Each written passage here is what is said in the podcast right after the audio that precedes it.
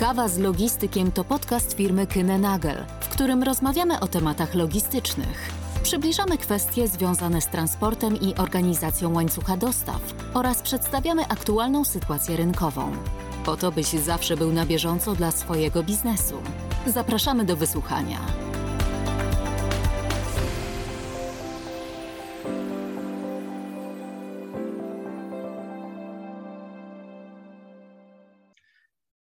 Dzień dobry Państwu. Dziś kolejny podcast Kawa z Logistykiem. Ja nazywam się Piotr Winter, a dzisiaj moim gościem, naszym gościem jest Michał Leśniewski, Sea Logistics Customer Care Manager Key Accounts. Dzień dobry Michale. Cześć Piotrze, dzień dobry Państwu. Niezmiernie mi miło, dziękuję za zaproszenie. Dzisiaj Michał, e, z Michałem będę rozmawiał o warunkach Incoterms. I traktuję to jako duże wyzwanie E, aby ten podcast był ciekawy, ale obiecuję Państwu, że będzie i powiemy o tym w bardzo przystępny sposób. E, ale zaczynam jak zwykle od pytania organizacyjnego. Michał, ja mam nadzieję, że już masz przed sobą swoją kawę na nasz podcast dzisiejszy. E, ja jestem zwolennikiem herbaty, także kawa nie, ale herbata litrami pojawia się przede mną. I ty, ty, tym razem również mam. Okej, okay, czyli dzisiaj mamy herbatę z logistykiem. Dobra.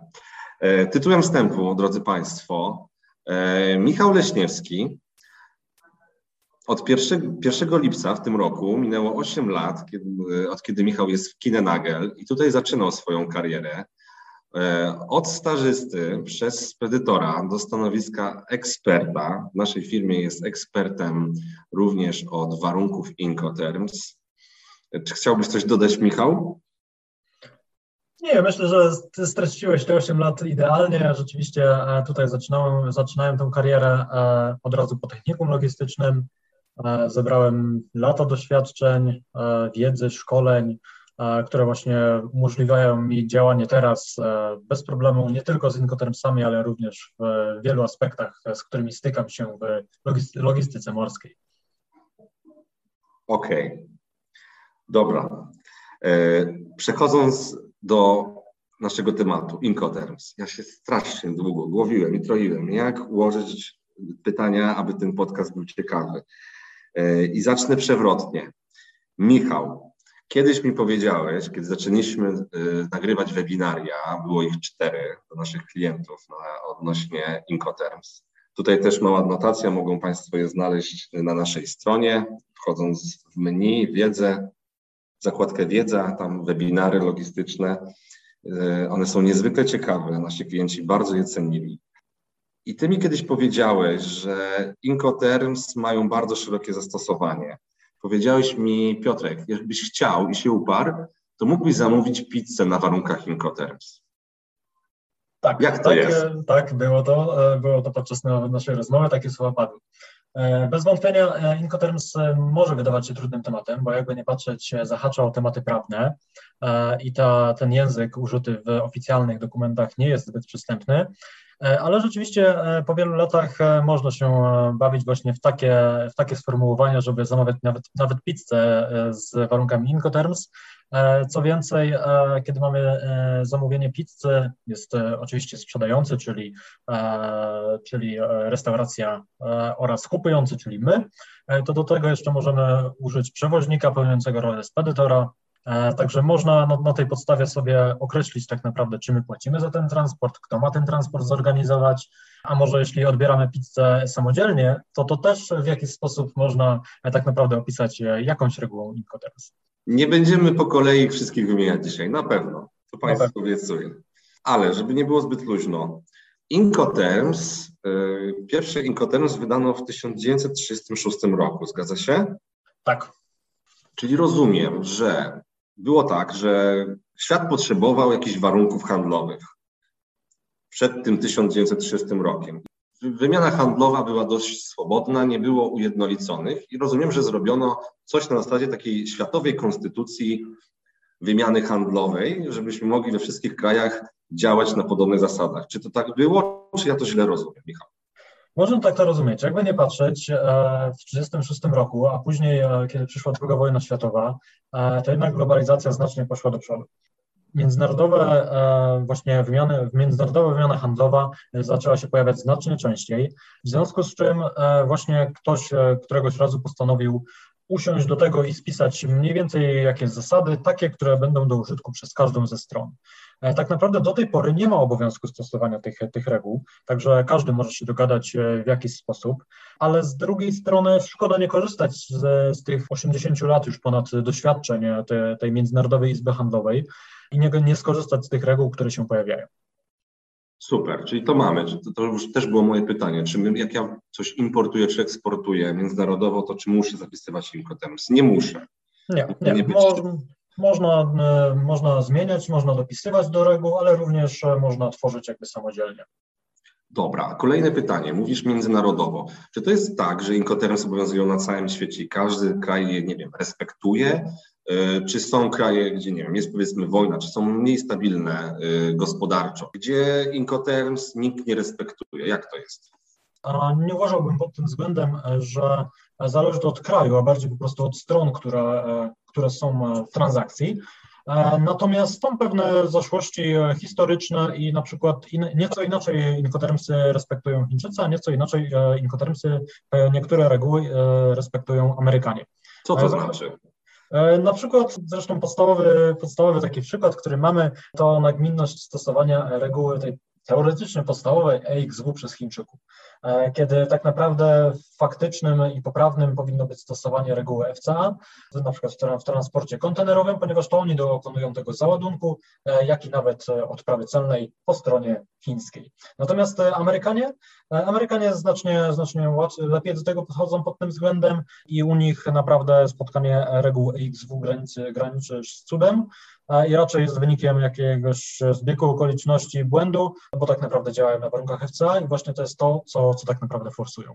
Czyli czy ja dobrze rozumiem, to jest tak, że w Chinach y, nadużywa się EXW, a transport i tak się odbywa na warunkach FCA? Dokładnie tak. A czy to jest ze szkodą dla mnie jako, nie wiem, importera? Partnera handlowego? E, jako importera raczej nie w tym wypadku, ponieważ EXW zaznacza, że, że więcej, że trochę więcej e, mamy my do zrobienia, więc jeśli oni nam zrobią, no to jest ok. Ale, no ale mogą to być tak czy siak jakieś, e, jakieś niespodzianki, zwłaszcza dla osób, które na przykład działają cały czas tylko, z, czy, czy działały przez lata tylko z Chinami, a nagle postanowiły coś zdziałać po drugiej stronie oceanu. Teraz jak powiedziałeś o tym, nasuwa mi się takie pytanie. E, a może jest coś takiego, że pojawiła się w pewnym momencie jakaś konkurencja i ktoś stwierdził, yy, zrobię konkurencję dla Incoterms i zrobię inną, inny zestaw reguł. Czy wszyscy respektują Incoterms i trochę inaczej je interpretują, ale one są niezagrożone?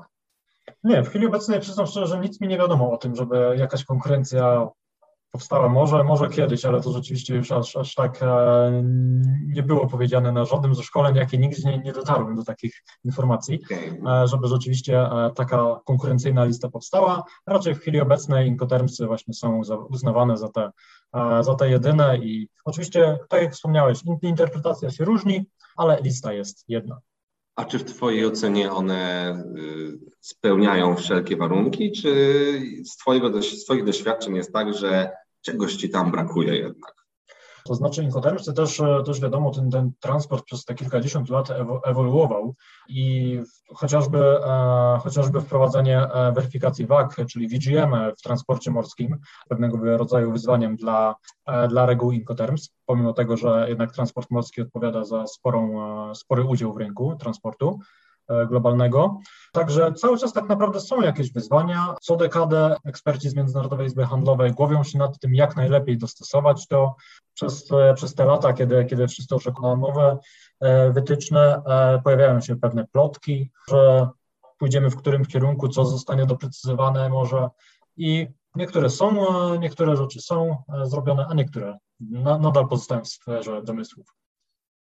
Okej, okay, bo faktycznie y, rok temu była aktualizacja Incoterms, ale nie będziemy mówić o tym, jakie zmiany zaszły, bo to znajdziecie Państwo w internecie bez problemu lub na naszej stronie kinenagel.pl.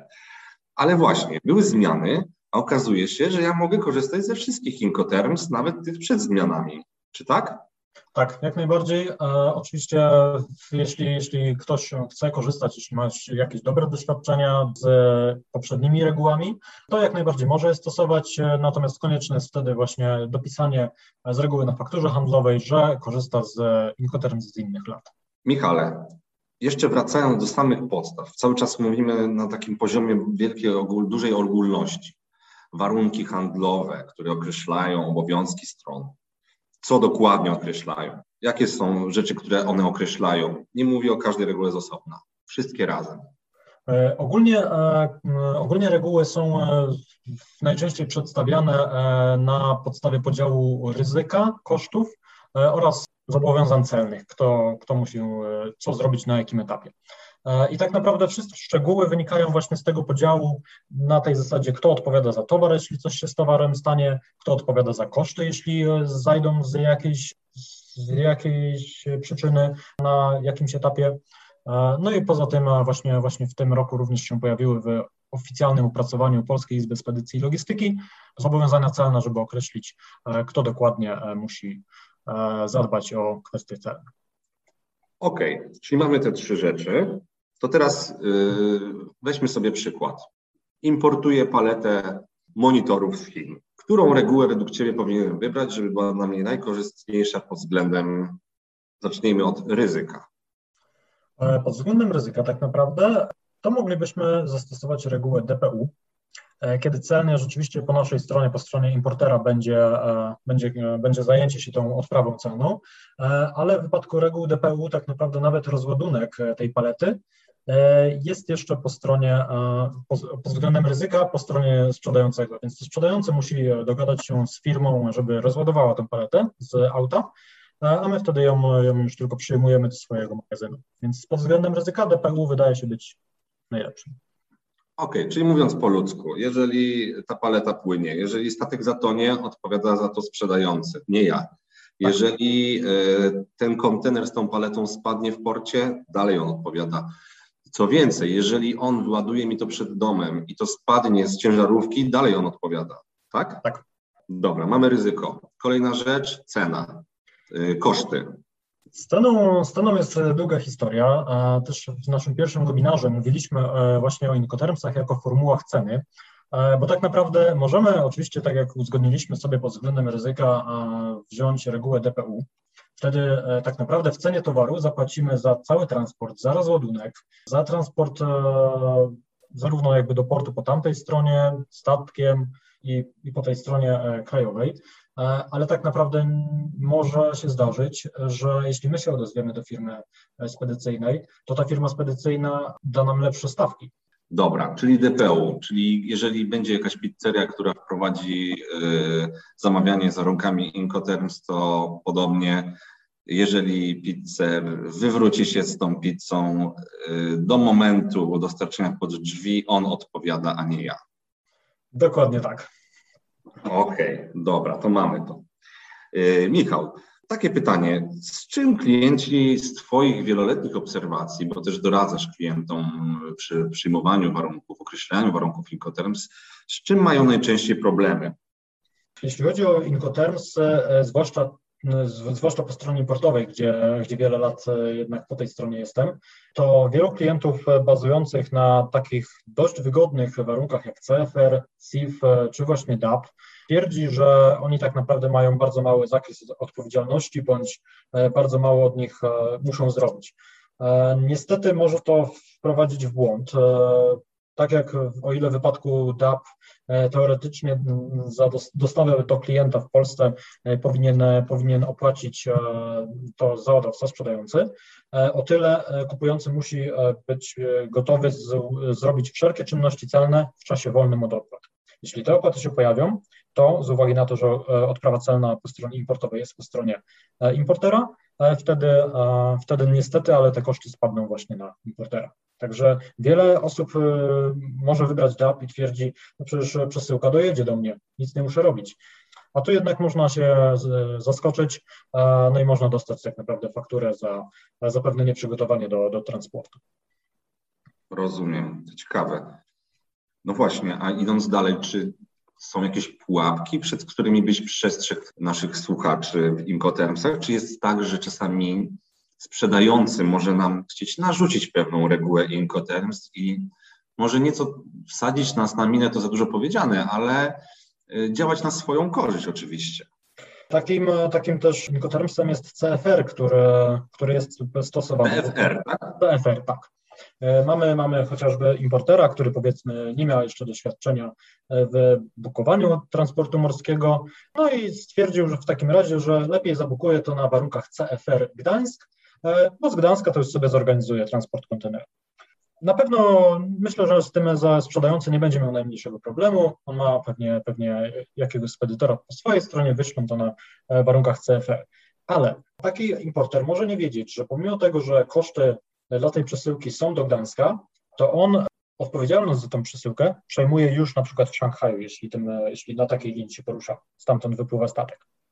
Mm-hmm. Jeśli coś stanie tak naprawdę podczas podróży na warunkach CFR, kiedy nawet nie mamy ubezpieczenia, to możemy tak naprawdę zostać e, z ręką w nocniku. Są, e, mówiliśmy też na webinarach o czymś takim jak awaria wspólna, kiedy rzeczywiście trzeba trzeba dokładać e, pieniędzy, żeby na ratowanie mienia i, i życia w wypadku różnych wypadków na, na morzu.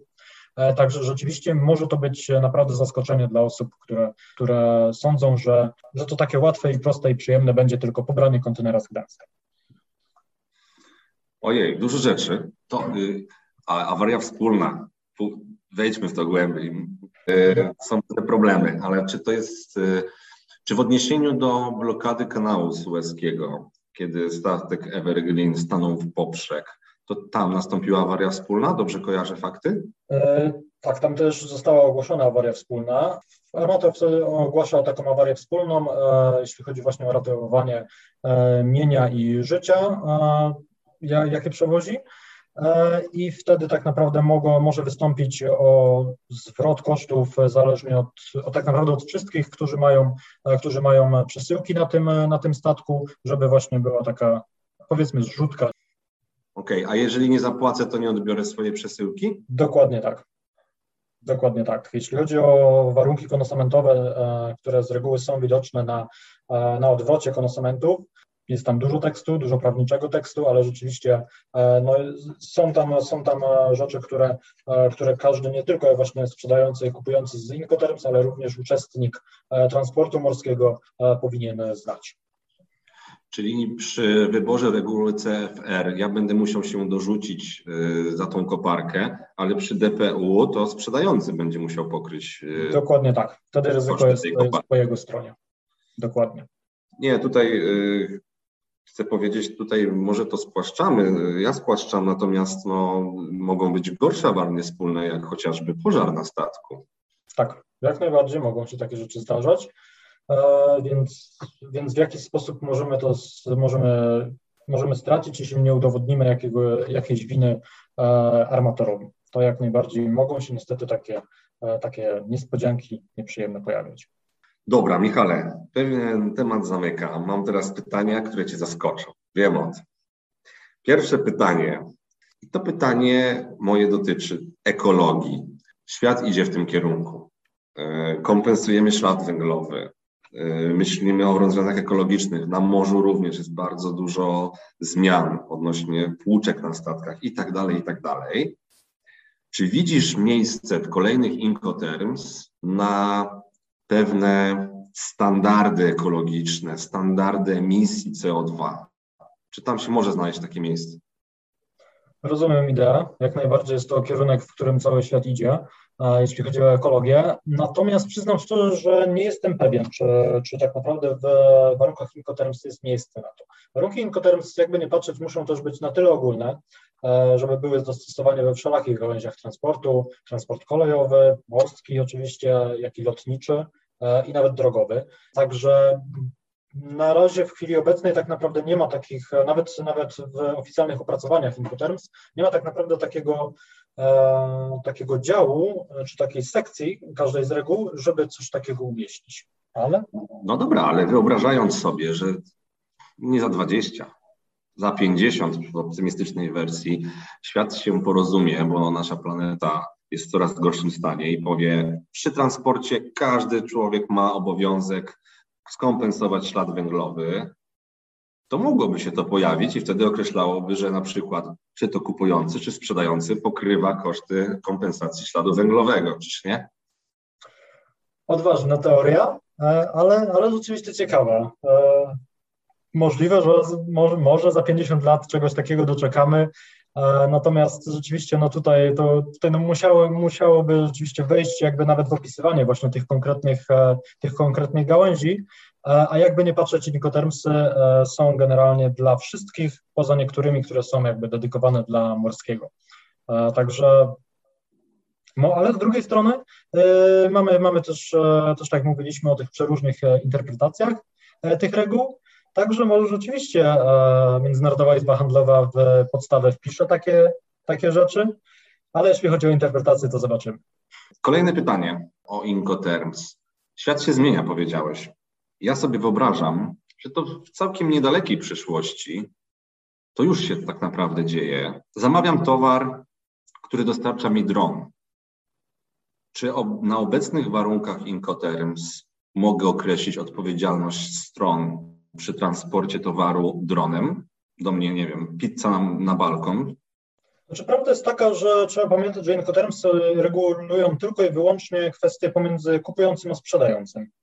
Dron tak naprawdę e, jest albo środkiem transportu przewoźnika, kiedy która ze stron właśnie podpisuje umowę przewozową i to dopiero definiuje tak naprawdę odpowiedzialność, bądź jeśli jest własnością którejś ze stron, to, no to tak czy siak e, wynika to ze względu na właśnie tą relację kupujący-sprzedający i, i kto miałby tą gestę transportową. E, także jakby mogą się środki zmieniać, mogą to być drony, ale myślę, że myślę, że nawet w chwili obecnej Incoterms jakby nie, nie kolidują z tym trochę żartujemy, a trochę mówimy też poważnie. Przecież y, transport dronami już się odbywa. Stąd moje pytanie, y, czy są jakieś nowe środki transportu, które y, nie są uwzględnione w Incoterms, ale widzę, że one są dosyć pojemne, te zasady są pojemne. E, dobrze. Na sam koniec chciałem Cię zapytać, czy coś byś poprawił w Incoterms? Czy według Ciebie gdzieś są pewne może nieścisłości z Twoich obserwacji wieloletnich, e, coś jest, na co powinniśmy jeszcze uważać, oprócz tego, co powiedziałeś? Przyznam szczerze, że jakby Incoterms to jest system jak każdy inny, on wymaga e, doświadczenia, wymaga interpretacji e, i w zasadzie w zasadzie tutaj nie, nie pozostaje nam, nam nic innego, jak rzeczywiście e, odczytywać to tak e, zgodnie z wykładnią też Międzynarodowej Izby Handlowej, która publikuje te książki dostępne dla wszystkich e, z opracowaniem tych reguł, ponieważ to jest tak naprawdę współpraca z jakimś systemem. Jeśli my kompletnie nie rozumiemy systemu, to wtedy się nie będziemy z nim dogadywać. A świat jest taki, że jakby nie patrzeć, coraz więcej rzeczy jest zautomatyzowanych. Te systemy się pojawiają nie tylko właśnie w kwestiach prawnych, ale również w systemach gdzie się spotykamy z tym codziennie e, i musimy w jakiś sposób nauczyć się odczytywać te sygnały z tych wszystkich systemów, e, żeby jak najlepiej je wykorzystywać w, do tego, co potrzebujemy. Michale, chciałbym zakończyć już na, e, nasz podcast dzisiejszy. Ja też dopowiem, że tak jak mówiliśmy na początku, powstały cztery webinaria o inkotermsach, które mogą Państwo znaleźć w zakładce wiedza na stronie www.kinenagel.com Stąd dzisiejsza rozmowa była, na, była luźniejsza, była swobodniejsza, e, ale wydaje mi się, że zostało powiedzianych parę ciekawych rzeczy. Też o tej, szczególnie mnie zainteresowała e, ta różnica w interpretacji pomiędzy Chinami, Stanami. E, bardzo, bardzo dziękuję Michał za dzisiejszą rozmowę. Ja również Piotrze, bardzo dziękuję za kolejny, kolejny nasz projekt. Bardzo dziękuję Państwu i do usłyszenia kiedyś. Dziękujemy. To była, dzisiaj była kawa i herbata z logistykiem. Naszym gościem był Michał Leśniewski. Dziękujemy Państwu za słuchanie i zapraszamy do kolejnego podcastu Kawa z logistykiem.